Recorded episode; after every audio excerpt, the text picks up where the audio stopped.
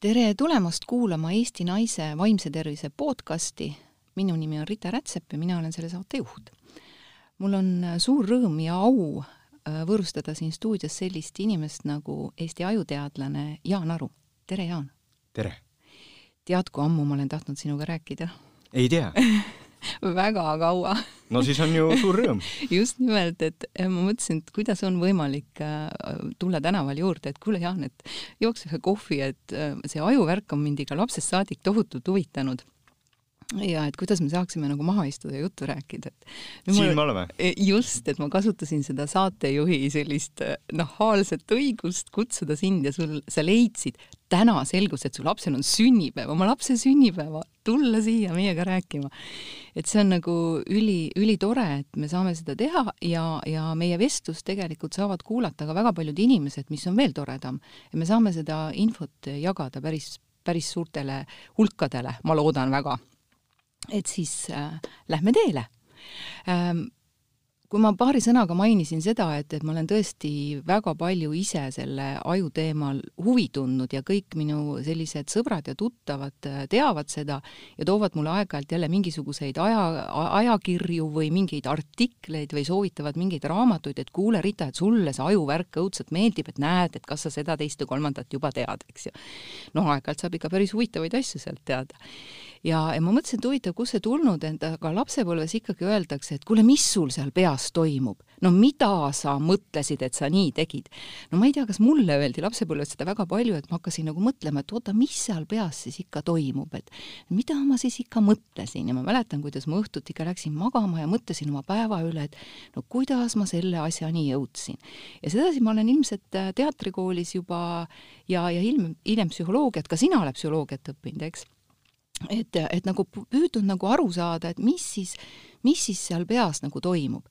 kuidas sina selleni jõudsid, et sa hakkasid nüüd ajuuurijaks? see on huvitav teekond selles suhtes, et äh, lapsena ma ei tahtnud saada teadlaseks äh,, isegi kui ma olin veel kaheteistkümnendas klassis, siis ma vist seal keskel mõtlesin, et tahaks minna õppima majandust või juurat, aga kuidagi siis äh, kooli lõpuks käis see klõps ära, et ma tegelikult tahan aru saada, kuidas asjad nagu maailmas toimuvad ja, ja minul oli, ma mäletan tõesti, kus ma mõtlesin, et no, et kas ma hakkan siis uurima universumit või aju ja ma arvasin, et me saame enne aru ajust, et ma peaks enne aju uurima. tegelikult ma vist nagu eksisin, et tundub, et noh, kui me vaadata meie teooriaid aju kohta ja universumi kohta, siis äh, füüsikateooriad on tunduvalt kaugemale jõudnud universumi mõistmises, kui me oleme praegu aju mõistmises. aga see on ka hea, siis on mul rohkem tööd ja rohkem lahendada. et see tegeleb pigem siis nagu sisekosmosega? sise jah, siseuniversumiga, sisekosmosega tõesti ja,. jah, jah. Äh, ma kunagi kuskilt mäletan, et äh, et aju kui sõna võeti kasutusele väga kaua juba enne, enne Kristuse aega, et kas see oli Egiptuse kuskilt papüürustelt leiti, oli see arst see Imhotep või mis iganes ta nimi nüüd oli, et kas tema oli üks esimesi, kes hakkas üldse ajust rääkima, on see nii, mäletan ma õigesti?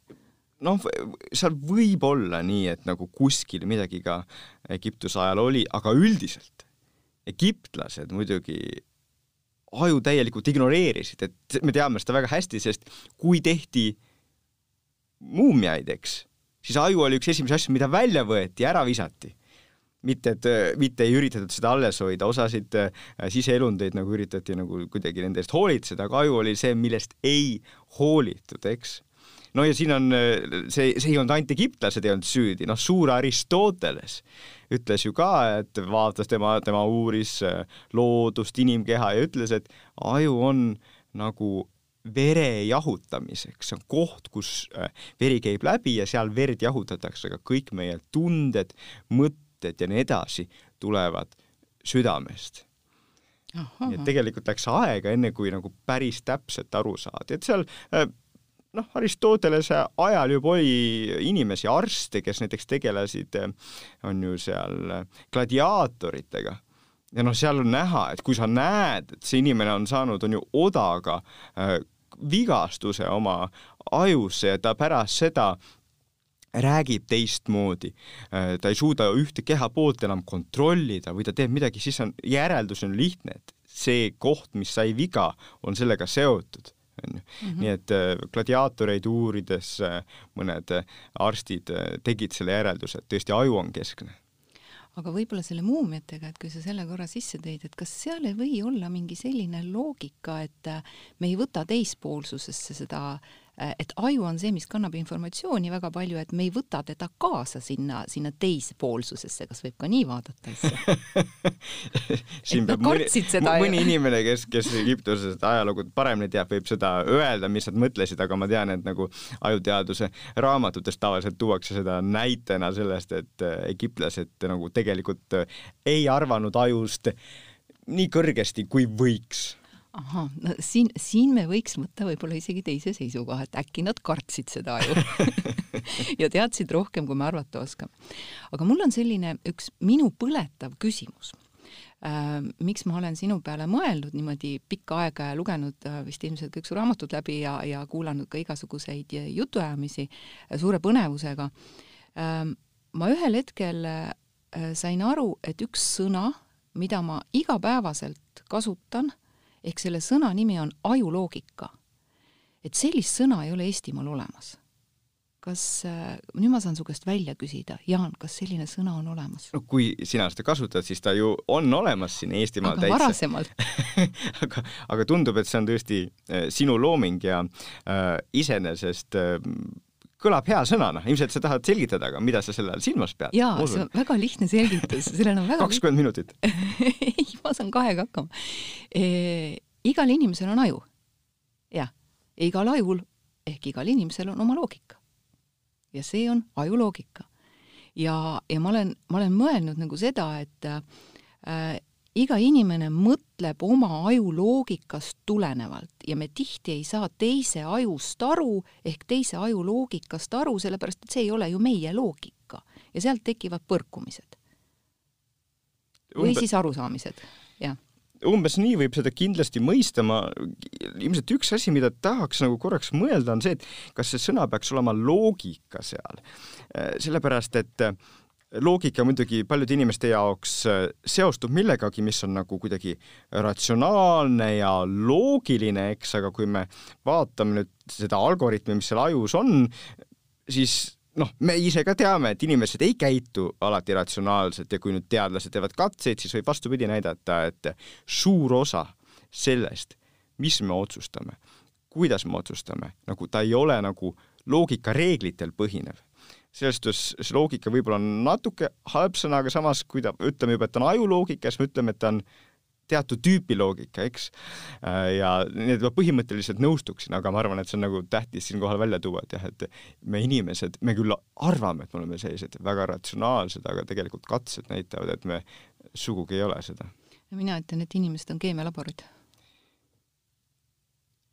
jah, me, me oleme sellised äh, vahvad süsteemid, mis koosnevad nagu paljudest erinevatest osadest ja vahel tundub, et paljudest erinevatest äh, minadest, eks. nii et mõnes mõttes ma isegi vahel ütleks, et et iga inimese ajus on nagu mitu erinevat loogikat selles suhtes, et on teatud selline süsteem, mis suudab nagu kuidagi äh, mõelda laiemalt, näha tegude tagajärgi äh,, olla enesekriitiline ja siis äh, selle taga, seal peidus tegelikult on ka see süsteem, mis nagu tahab kommi äh,, tahab äh, nutitelefonis aega veeta ja selles suhtes ei kuula seda, mis see nii-öelda see nagu targem süsteem nagu talle ütleb. selle ajuloogikaga äh, olen ma mõelnud nagu seda, et, et see loogika kõlab hästi ratsionaalse sõnana.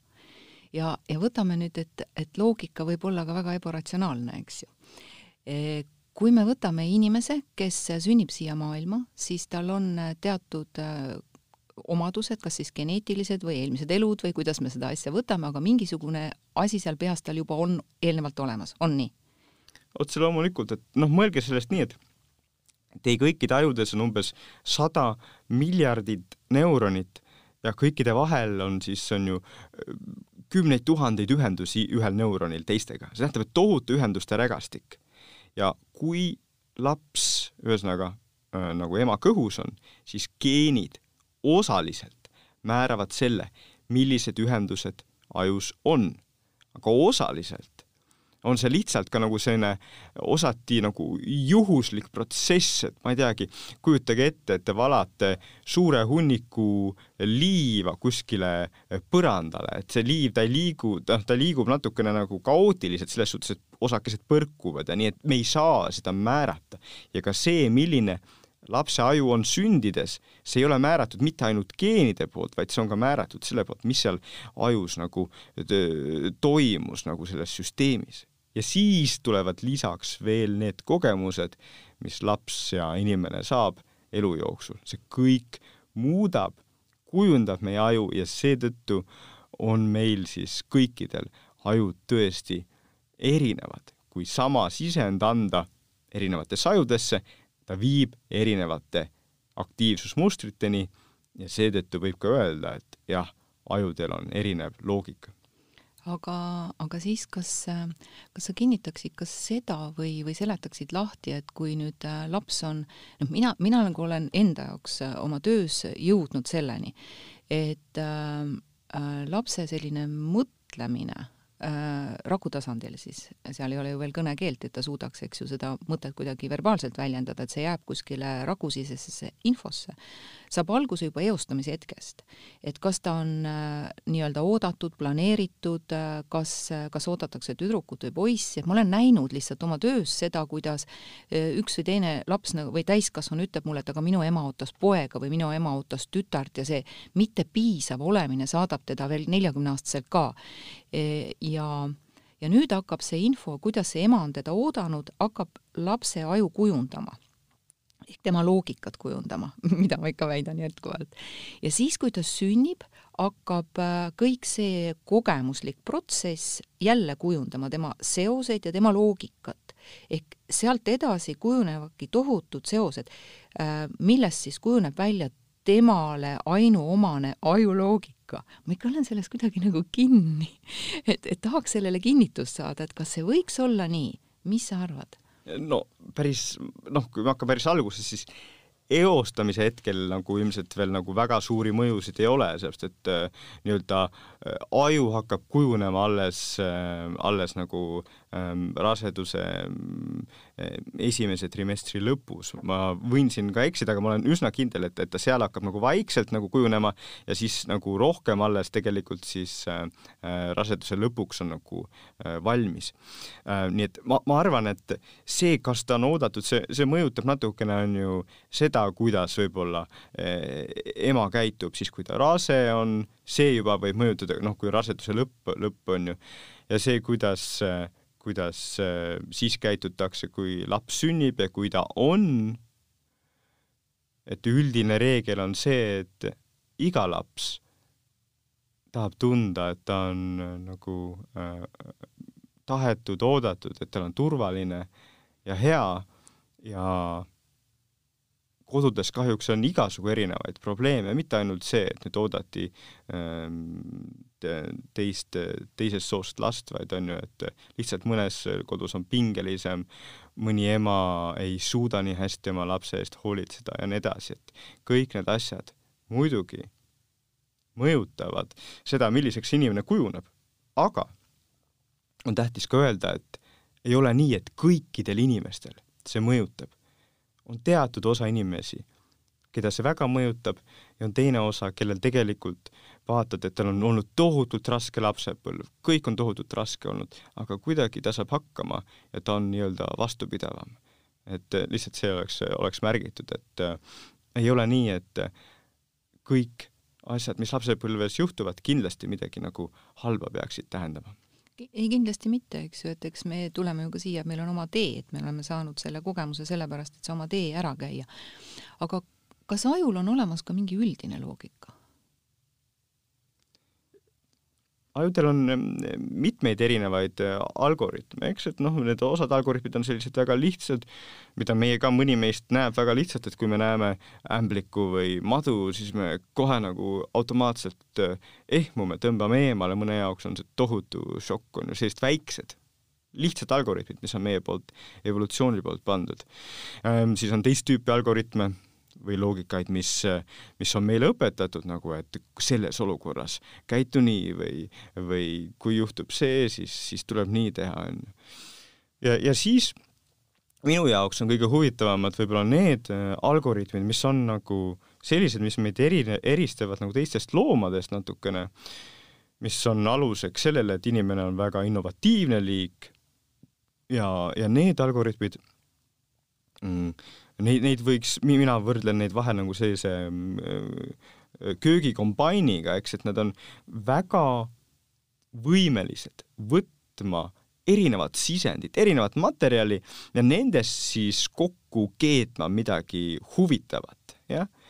Ehm, ja see, kuidas see täpselt käib, see on praegu minu uurimisrühma nagu põhiküsimus. Te teete erinevaid smuuti retsepte, jah?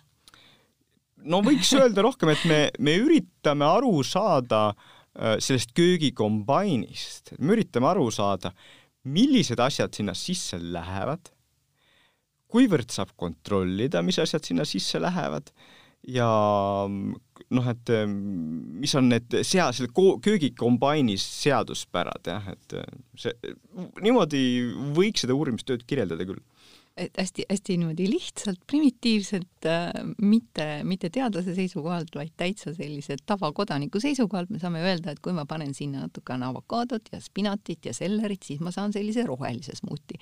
kui ma panen sinna selliseid äh, vaarikaid ja värke, ma saan punase smuuti. et, et ühesõnaga see, mida elukogemused sinna sisse panevad, selline, selline äh, miksing või smuuti sealt nüüd välja tuleb sellest äh,, sellest köögi köögikombainist, aga teie tegelete sellega, et kuidas see köögikombain neid asju siis nagu läbi ekseldab. kas nii?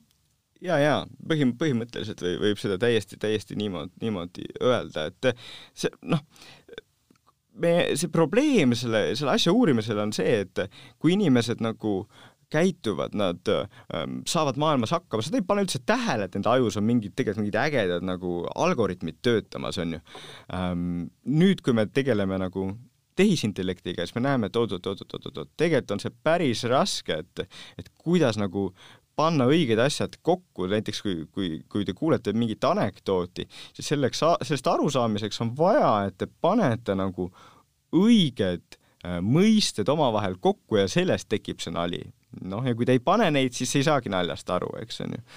nii et see on selline meie täiesti nagu aju nagu selline keskne algoritm, millest me praegu veel aru ei saa. üks keeruline tegelane, mida, mida vist on lõputult palju uuritud ja mida tegelikult on jube vähe teada saadud. kas on nii?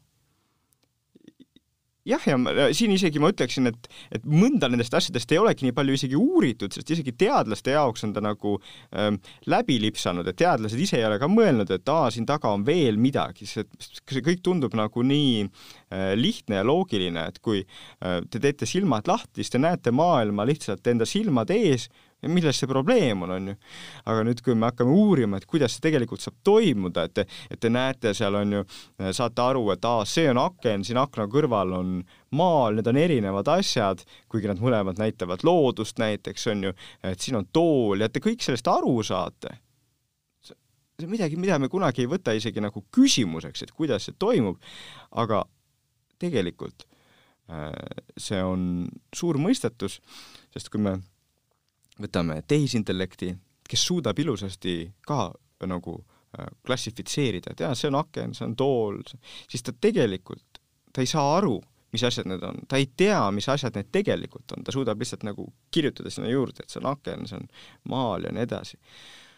ja mm, osati selles, et, et isegi praegu mul on sõnadest raske seda probleemi selgitada, väljendubki see probleem ise, eks, et mm -hmm. meie jaoks on see nii iseenesestmõistetav, paljud asjad, mis meie ajus ja mõtetes toimuvad, on nii iseenesestmõistetavad, et me kunagi isegi ei märka neid, jah ja siis, kui me märkama hakkame, siis selleks peab eelnema mingi probleem, et see on, see on nagu vaimse tervisega. see, see on kui... paljude asjadega jah, et me, me, me, me ei pane tähele, kui hästi tegelikult, ma ei teagi, mingi süsteem töötab ühistranspordist äh, prügiveoni, kuni siis ühel päeval prügivedu ei ole ja siis me märkame, et see on, oh, see on tegelikult päris tore, et nagu käib mingi auto, mis viib ära asju, onju.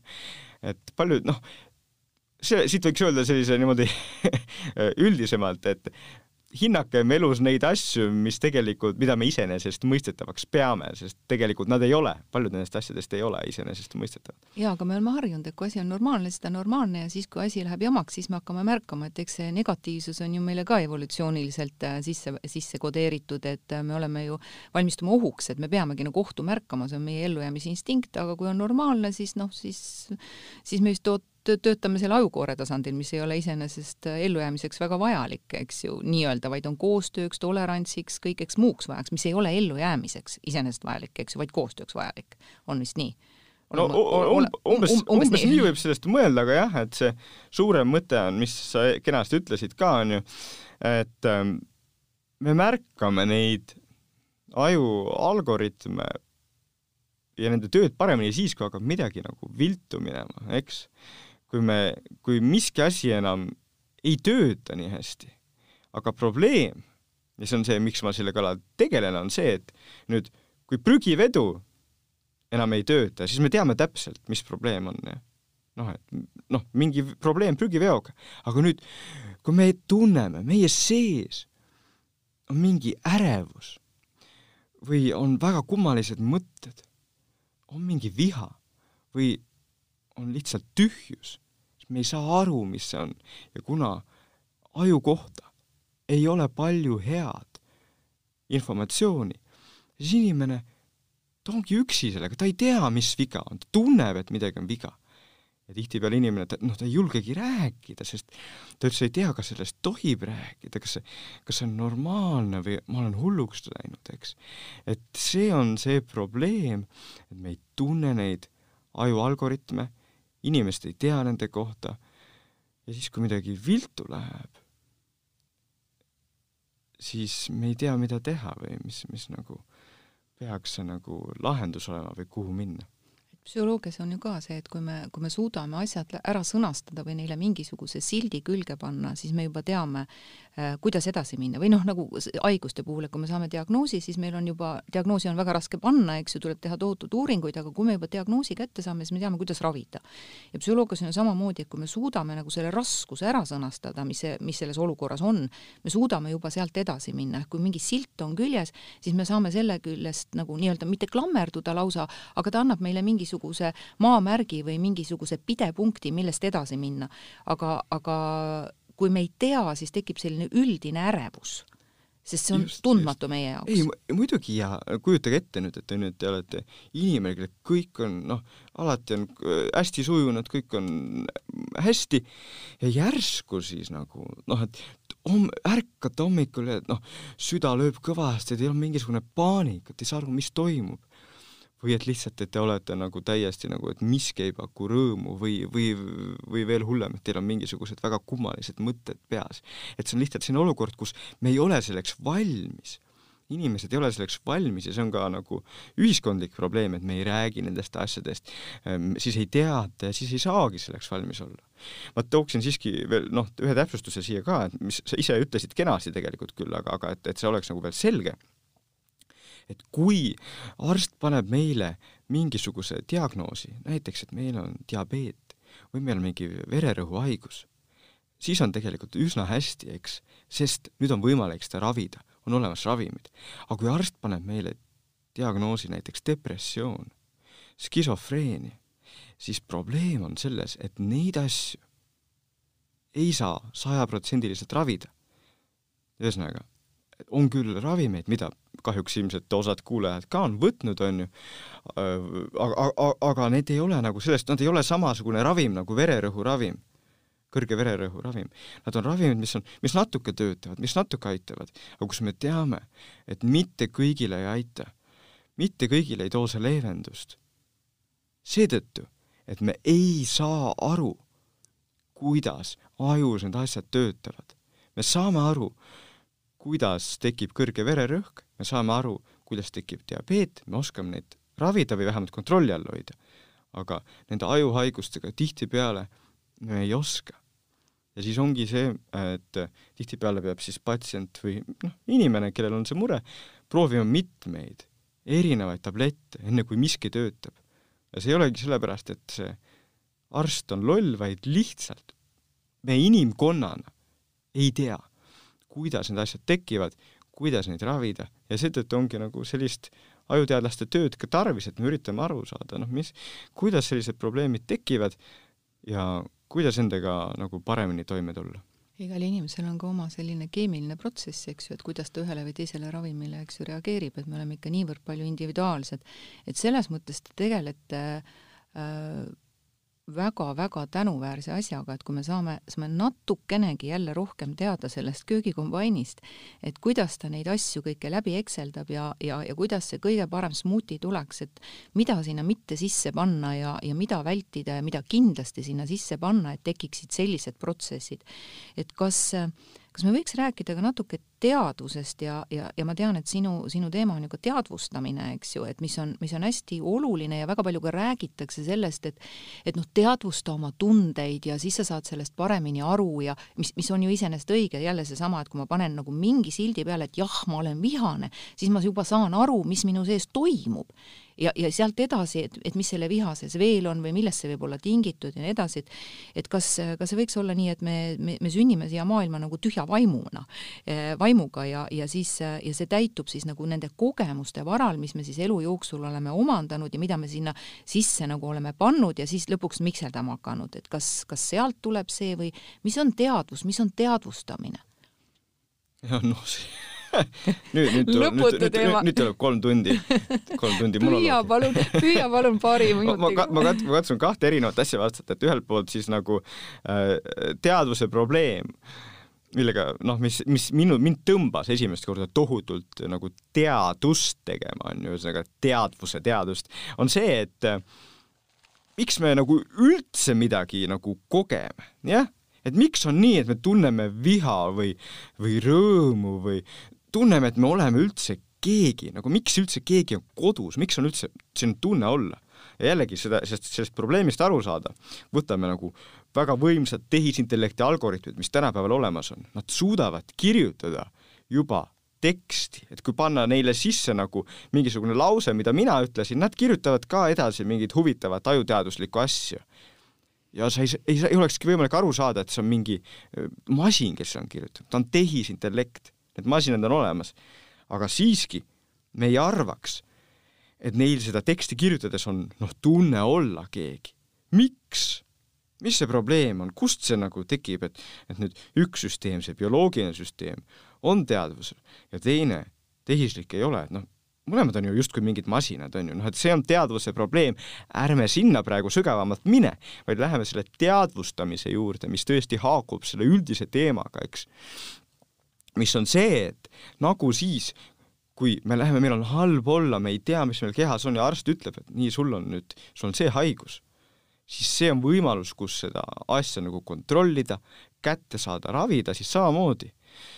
kui me saame nagu aru, et see tunne, mis meil on, on kadedus või viha, siis see on see koht, kus meil on võimalik kontrollida ja noh, me, me saame nagu sellise äh, käepideme, jah, mille abil me saame hakata seda ust kinni panema. et me võime ette kujutada nüüd, et on inimene ja kahjuks ma kardan, et osadel, osades kodus, kodudes seda ka juhtub, et on ju, et on, on äh, mõni inimene, kes saab, kes nagu väga vihaseks läheb, on ju, ja siis, et, ta võib lüüa, ta võib midagi visata, ta võib midagi teha, ja sel hetkel justkui, kui see viha nagu üle võtab, sel hetkel see inimene, kes tegelikult muidu tavalises olukorras on väga tore, mõistev ja nii edasi, teda justkui ei olegi enam kodus, eks.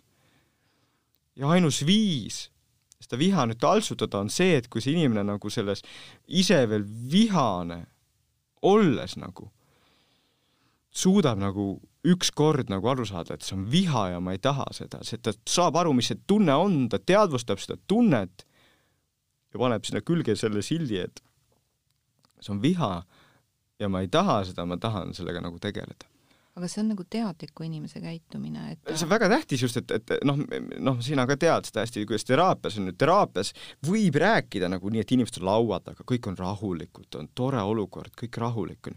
võib rääkida alati ei ole. ei, ei no jaa, aga ma, ma toon näite lihtsalt, et noh, et kui sa räägid sellele inimesele, kes nagu teinekord nagu kodus läheb vägivaldseks, räägid sellest, ta saab sellest aru, ta saab sellest aru, kui ta on nii-öelda nagu äh, oma ratsionaalse mõistuse juures, eks, aga kui see viha sisse tuleb, siis kõik need teadmised, mis on terapeudi juures kogutud, noh, need ei tule mängu. sest et ajus justkui see olukord muutub, nüüd on teine, teine loogika. see viha loogika, mis paneb kõik muu nagu, surub alla, eks. Mhm. nii et ainus võimalus sellistest asjadest läbi saada on see, et see inimene seal viha tundes, ta õpib seda kontrollima ta saab juba teadlikuks minust tema sees. aga selles, sel hetkel ta peab seda viha veel natuke ja. olema, nagu et ta ja. saab aru just sellest tundest. et ta saab sellest, sellel, sellel osast ajust nagu sabast kinni, mis seda viha nagu tekitas ja suudab seda nagu õppida kontrollima. see on raske, see on raske, aga see on ainus viis, et noh, inimesega rääkida siis, kui ta on nagu mittevihane, nagu see, see ei aita tihtipeale jah, et neid protsesse saab harjutada siis, kui ei ole emotsioon üleval, et me saame seda teadlikult harjutada. ei, ma just ütlen, et emotsioon peab üleval olema, sellepärast et noh, et sul, sa pead olema selles olukorras, kus sul see probleem on. aga ümber harjutada ei saa emotsiooni ajal, et emotsiooni ajal saab pead, teada, mis toimub. jah, no sa, vaata, mis sa tahaks, vaata probleem on selles, et kui sa õpid midagi olukorras, kus kõik on hea ja emotsiooni ei ole, siis noh, sa õpid selle käitumise küll sisse aga nüüd sel hetkel, kui tuleb viha, sel hetkel justkui aju muutub. Ja nüüd need käitumised, mis sa oled õppinud kuskil terapeudi juures rahulikus olukorras, tegelikult ei loe, sest aju võtab siis justkui ta võtab nagu, et nüüd on teine seisund, nüüd loevad need käitumised, mis ma selles seisundis olen teinud. seega me tahame alati, et tegelikult õpitaks ümber nagu selles seisundis nii et me tahaks ka noh, tera-, teraapias ka, et inimene nagu lähekski vihaseks. see on see, kuidas nüüd ravitakse foobiaid, eks mm. -hmm. et foobiat mitte nii, et sa räägid, et oi ämblikuid pole mõtet ei, ma võtan ikka ruumi ämbliku just, kaasa noh, muidugi esimene kord kaugele on ju just, just., aga et sa pead samamoodi, et tekib see sama emotsioon ja siis inimene õpib seda ümber hindama mm. -hmm. Kas, kas on niimoodi, et kus kohas see ajus toimub, et, et mingi osa ajus kavatseb nagu mingit toimingut teha juba enne, kui ta nagu see inimene sellest toimingust teadlikuks saab. kas, kas on nii kuidagi? Nojah, ma enne ka viitasin sellele, et meil ajus on mitmeid süsteeme, eks, ja üks süsteem on see, mis, mis on tõesti, meil aitab nagu mõelda asjade üle ja öelda, et ei, see on halb otsus mm. -hmm. või noh, et okei okay,, ma arvan küll nii, aga äkki ma eksin näiteks. see on nagu selline kõige inimlikum osa, selline väga arenenud osa aga meil on ka siis need teised süsteemid, me kirjeldasime seda vihasüsteemi, mis suudab selle nii-öelda inimliku süsteemi nagu täiesti alla suruda, vanemad süsteemid, eks. Ja, ja neid süsteeme on erinevaid. me, see, mis me teadvustame, millest me teadlik oleme, see on ainult osa, see on peamiselt see inimlik süsteem, jah. ja siis tihtipeale võibki olla, et kuskilt ajust tuleb mingi teine tung, mingi teine mõte mis vahel jõuab juba meist ette, jõuab meie käitumist kontrollida, et me võtame selle kommi, paneme suhu ja siis hakkavad, oota, ma, ma olen ju dieedil, ma olen kolm päeva ei ole kommi võtnud, issand jumal, eks. ma mäletan, mäletan ühte juhtumit, kus äh, õhtusöögi ajal lapsed valasid, äh, meil oli veinipudel oli laua peal ja, ja siis, no lapsed olid suured muidugi, ja, ja siis äh, valasid isa klaasi, valasid mahla ja, ja, ja punast mahla ja, ja see oli, see oli nii huvitav oli vaadata, me täitsa tegime temaga katse, et, et ta juba sai enne aru, kui ta selle lonksu võttis, et see, aga see lonks juba käis ära, et seda oli nii huvitav vaadata, kuidas see protsess nagu oli aju, ajus toimuv protsess oli nagu täiesti silmaga nähtav. ja, ja teadvus on tihtipeale maas asjadest, jah mm, -hmm. et ähm, kõige parem, mis minul endal juhtub, on vahel, et ma, on ju, ettekandes näiteks, ma ütlen midagi ja siis ma tunnen, kuidas ma hakkan mõtlema, oot, oot, oot, oot, oot, see oli päris huvitav mõte kuidas mina selle peale tulin? ja siis ma ta, põhimõtteliselt tahaks selle koha peal ettekande ära lõpetada ja minna nagu oma mõtet mõtlema, eks, aga, aga just, et äh, selle, see on klassikaline selline lause, et ma saan teada Äh, mida ma mõtlen siis, kui ma selle ütlen, eks ju. kui tahad midagi teada, siis loe ja kui tahad aru saada, siis hakka õpetama, eks ju. et siis sa kuuled oma juttu läbi kuulmiskeskuse ja siis hakkab see juba oma elu elama. aga kui me võtame praegu selle, et, et me võiks lõputult sellest rääkida, ma, ma tunnen, kuidas mul on adrenaliin kogu aeg üleval, ma tahaks rääkida ajust, teadvustamisest ja kõigest, aga me võtame äh, meie kuulajatele näiteks täiesti mm, selle vaimse tervise aspektist äh, nüüd selle, et, et kuidas teadvustada oma tundeid ja nii edasi, et sellega saab tegeleda, sellest saab rääkida ja kõik nii edasi, aga mida veel aju vajab, eh, et üldse mingitest asjadest aru saada, et ta üle ei kuumeneks, et siis me ei saa ju millestki aru enam, kui ta üle kuumeneb. millist puhkust vajab aju, kuidas ajule puhkust anda, et kõige sellega toime tulla? no mina ütleks, et no võiks öelda nelja tüüpi puhkust. ma praegu, kui ma seda ütlesin, siis ma sain aru, et ma ütlen nelja, nii et ma loodan, et ma suudan nüüd neli ka lugeda üles. üks on siis selline puhkus, kus me nagu aktiivselt teeme midagi, näiteks natukene trenni, midagi sporti, seda ei pea ju palju olema, eks, aga et igas päevas on natukene, kus me kõnnime natuke kiiremini, natukene võtab hingeldama. mitte vähem kui nelikümmend minutit? ei, ei võib ka vähem, no kuule, kui on vahel ikka kiired päevad, et mina ise küll iga päev nüüd nelikümmend minutit ei jõua nagu äh, jalutada kiiresti Ähm, noh, ma ütlen, et ei pea, ei pea ka sellest stressi minema. et nüüd on nelikümmend mintsa ja ma tegin äh, kakskümmend kaheksa. ei pea, neid asju võib kuulata võtta. keha. nojah, või selles suhtes, et lihtsalt teha nii, et, nii et äh, mõistlik oleks. nii, äh, oot-oot-oot, ma tahtsin nüüd edasi lugeda. sul oli neli punkti teine on, on, on, on see, mis on väga loogiline, on ju, et me peame saama piisavalt und. mis tänapäeval nagu tihti inimesed mõtlevad, aa, no mis ma magan, on ju, see on aja raiskamine, aga tegelikult noh, kui te hästi magate, siis te olete loovam, kui te olete näiteks sellises vestluses nagu praegu, teil tulevad paremad mõtted, et kui ma oleksin väga väsinud näiteks praegu, siis ma läheksin väga sinna rada, mida ma tavaliselt vastan nagu, eks. aga kui ma olen nagu ärkvel, ma olen, mul on hästi puhanud, siis ma suudan nagu oma ajus korraga näha mitmeid võimalusi ja nendest üritada siis seda võtta, mis nagu sellesse konteksti, sellesse saatesse kõige paremini sobiks, eks et ehk ei ole mugavustsoonis, harjumuspärases. no jaa, aga ja teisipidi lihtsalt, et mida tahan öelda, et äh, puhanud aju on loovavam, ta näeb nagu erinevaid aspekte paremini. kui keegi nagu teile midagi ütleb, mis teile ei meeldi, siis väsinud aju on see, mis nagu läheb närvi selle peale, ütleb halvasti. puhanud aju on, mis võib-olla ka esmareaktsioon on no neetud, aga siis tuleb see kõrvalt, no okei okay,, aga tegelikult praegu siin teised ka vaatavad, ei ole mõtet hakata sellest närvi minema, ma mõtlen selle läbi, kui mind see häirib, ma räägin sellest homme või midagi taolist. et ma kontrollin paremini olukorda. see on selline üldine, üldine mm -hmm. mõiste jah, et, et selles suhtes, et, et kui me oleme puhanud, siis see nii-öelda inimlik osa ajust, mis suudab mõelda, kontrollida, kriitiliselt reflekteerida, ta suudab meie käitumist paremini juhtida kui me oleme väsinud, ei ole hästi maganud, siis ta, ta ei suuda seda hästi, tööd nii hästi teha, siis tulevad need vihasemad asjad, meele sellised meeleolukamad, meeleoluhäiretega seotud ähm, reaktsioonid.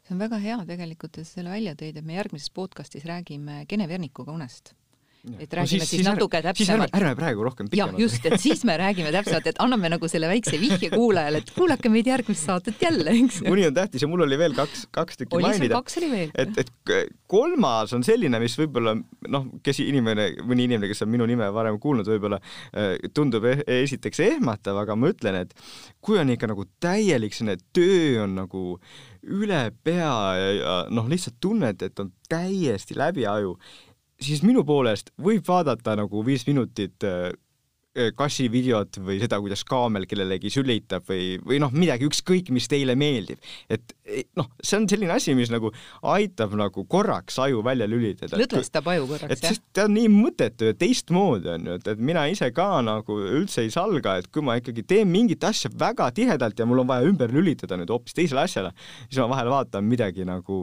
lühidalt, eks. probleem tekib siis, kui sellest saab nüüd neli tundi, on ju. aga et sa vaatad viie minut, viis minutit vaatad mingit lühikest asja, ja noh, siis on sul korraks nagu, see on nagu selline viis, kuidas nagu reset ida natukene nagu selle kohta ütleb Fred Jüssi, et see on molutamine ju. et, et see on see hajus mõtlemine. ei, vot see on see neljas asi. see on see neljas, see on neljas, sellepärast et sel hetkel, kui sa nagu vaatad seda kassi videot või sa vaatad mingit naljavideot, see on see hetkel... pinnapealne mõtlemine. jah, et sel hetkel sa tegelikult, see sisend ja, ja. tuleb sul väljast, eks, aga nüüd ja. see neljas on see, mida me tavaliselt nüüd, eriti noored üldse enam ei kasuta, aga mis on tegelikult kõige olulisem, kui me tahame olla loovad, on just see, mida sa ütlesid, on ju molutamine. Äh, ma ise olen ka seda varem äh, juba aastaid tegelikult niimoodi nimetanud. et see on see, kus meil on mingid mõtted peas, me ei pane neid pahaks, me vaatame, kus need mõtted viivad, me jalutame lihtsalt, võib-olla istume lihtsalt kuskil tooli peal, meil ei ole käes nutiseadet, me ei vaata telekat, me lihtsalt kuulame oma mõtteid, sest ähm, see on see koht, kus teinekord tulevad siis huvitavad ja sisukad mõtted. no öeldakse, et ajusa mõtlemise ajal tulevad seosed. just, ja kes tahab nüüd noh, et see, seetõttu ma nagu seostasin ka seda on ju loovusega või minu jaoks on loovus väga oluline komponent, aga kes tahab seda salarelva kasutada, peab enne muidugi nagu mingi probleemi üle kõvasti juurdlema, eks. no ikka. et, et sa oled kõvasti tööd näinud, vaeva näinud mingi probleemi kallal. ja siis sa lased ennast õdvaks. siis sa lähed jalutama. istud ja põhimõtteliselt sa kuulad, et kas kuskil su ajus käis see klikk ära oi, kuidas seda pausi tegelikult oleks vaja, aga inimesed kardavad seda müra, mis sealt enda seest tuleb.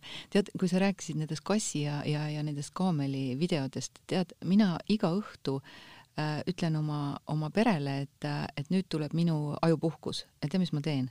ma vaatan äh, mingi krimka seriaalist mingi osa, see võib olla mingi Nõmme Miami äh, mingisugune CSI, mi-, mi-, mis iganes, et, et sa, samas nagu aju töötab, aga ta töötab täitsa teise lainepikkusel no,. teistmoodi, teistmoodi ja, ja see, see on selline ajupuhkus ja siis ma lähen magama. et see on nagu hea. aga, aga siia äh, see on äh, hästi hea sellise vaimse tervise seisukohalt, need neli punkti, mis sa tegelikult välja tõid Äh, selle, selle liikumisest ja, ja, ja pausidest ja, ja aju ümberlülitamisest ja mis see neljas sul oli? uni, uni., õige, see oli see uni, see oli see kõige tähtsam. et need neli vaala, et need on noh, see on nagu tooli või, või ütleme, laua neli jalga, et need peavad olema kõik tasakaalus, et muidu kui üks nendest ära langeb, et siis kukub laud ka ümber, eks ju, et need võiks olla need neli toetuspunkti, mille peal äh, kuskilt maalt ikkagi meie vaimne tervis seisab, on nii jah, seetõttu, ma nad esile kõik äh, tõin, jah. just, et seda, seda võiks tõesti äh, praktiseerida igapäevaselt, järjepidevalt äh, sellega no toimetada. tõepoolest soovitav oleks iga ja. päev magada ikkagi. no absoluutselt ja ma ütlen, et ka viisteist minutit iga päev tuleks võtta paus ja kui keegi ütleb, et viisteist minutit tal pole aega, siis see inimene peab võtma lausa kolmkümmend minutit. umbes nii võib, umbes nii võib öelda. ja, ja ma arvan, et me kõik oleme kuskilt lugenud ja teadnud seda, et minu arust noh, ikka USA-st tuleb hästi palju uuringuid ja neid on jube põnev lugeda, eks ju. Ka vist ajuteadlased uurisid meditatsiooni ajal nagu munkasid, eks ju, et kes siis, kes siis toimetasid meditatsioone ja palveid tegid väga-väga palju, et kuidas see järelmõju oli iseenesest ka nädalaid veel, on see nii et kas, kas soovitada ka seda, seda nii-öelda pausi võtmisena või soovitada ka tõepoolest selliseid meditatsiooniharjutusi või, või siis joogat või shindod või tai chi'd, et et kas me lähme jälle ajas tagasi natuke nende asjadega? mina ütlen selle kohta nii, et noh, need asjad on natukene nagu sellised äh, populaarsed ja natukene sellised ka nagu võib-olla üle kiidetud, et ähm, igaühele oma, iga kuulaja peab enda jaoks leidma, mis on see tegevus või asi mis teda nagu hästi rahustab ja mis tema jaoks on mõnus, see võib olla ju kudumine. noh, suvel mõnel on see muru niitmine, seene korjamine, et mingi tegevus, mis äh, nagu toob sellise äh, rahu ja, ja sellise äh, heaolu, et see ei pea olema meditatsioon. Ja noh, mina ühena pakkusin see on, ei jaa ja., selles suhtes, et, et see on nagu, kes ei leia kuidagi endast, ta võib proovida neid asju, joogat, meditatsiooni, ta võib proovida.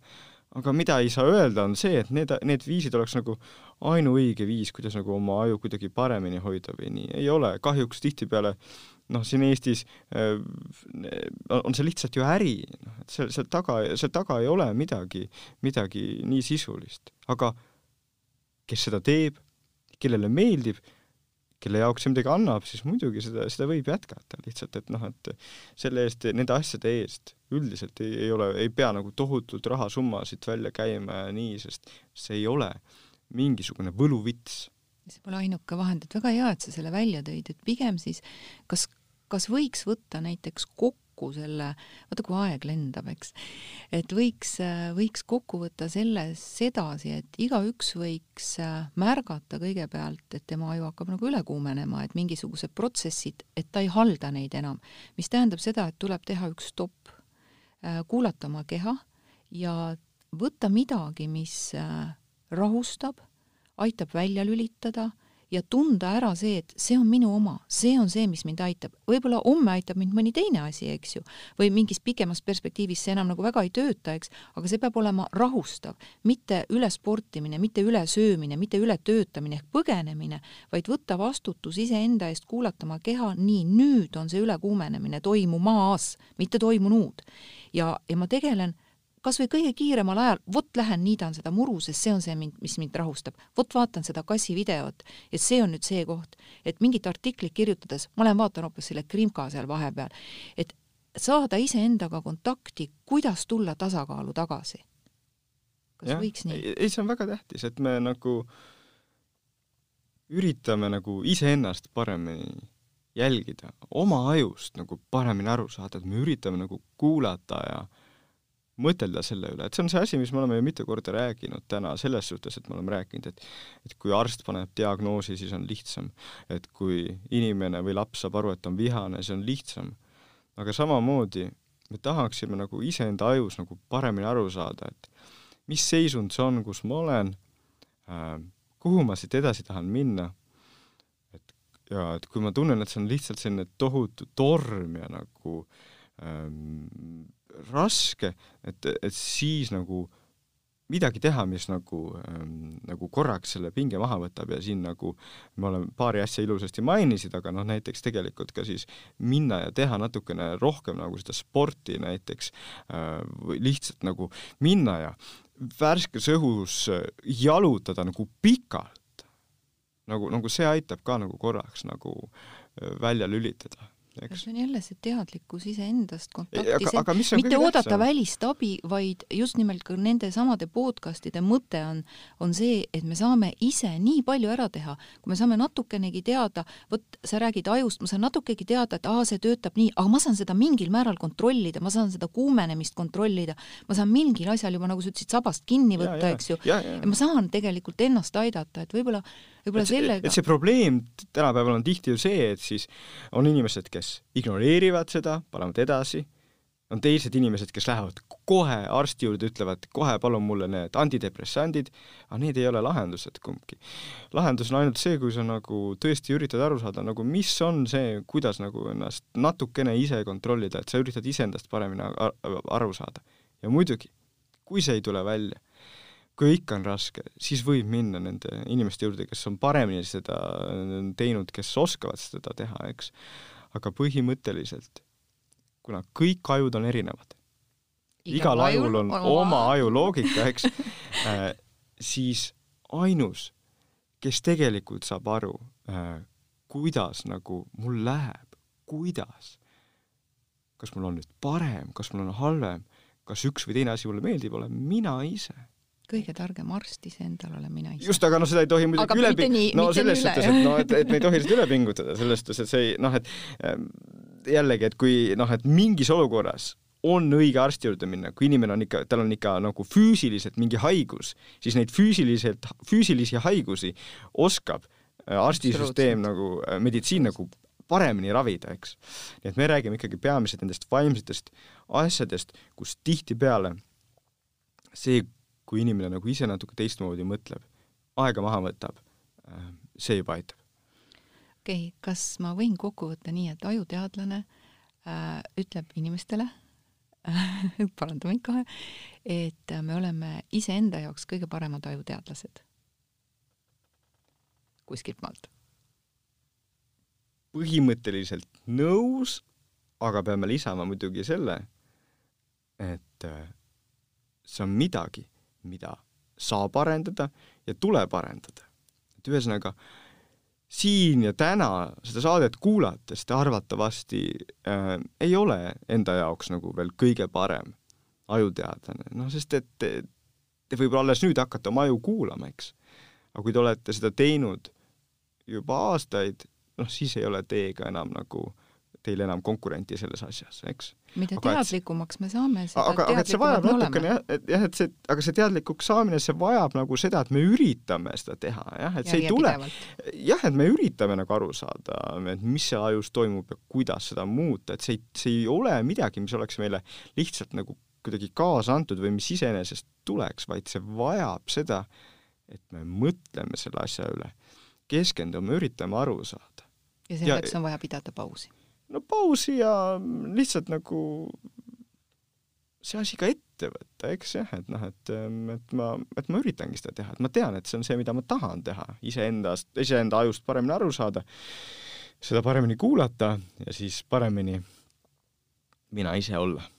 võtad vastutus oma ajust aitäh, Jaan, me vist ilmselt kuulajad on nõus, et me võiksime siin äh, niimoodi pidada pausi ja siis teha järgmise tunni ja siis pidada pausi ja teha järgmine tund.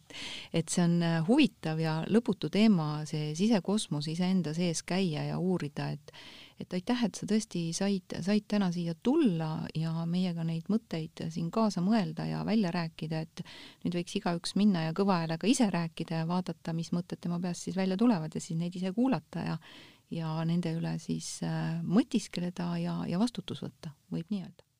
jah, noh, esimene samm on see, et me lihtsalt hindame seda, et meie peakolu sees on üks väga äge, hämmastav masinavärk, aukartust äratav masinavärk ja et see tähendab, et me tegelikult, meis on selline potentsiaal, me võime teha ägedaid asju, kuna meie, meil on selline äge masin mida saab paremini kasutada, mida võib õppida paremini kasutada ja ma soovin kõigile selles palju edu. aitäh, Jaan! äge! aitäh, aitäh! aitäh kuulajatele ja kohtume siis ilmselt järgmises podcastis juba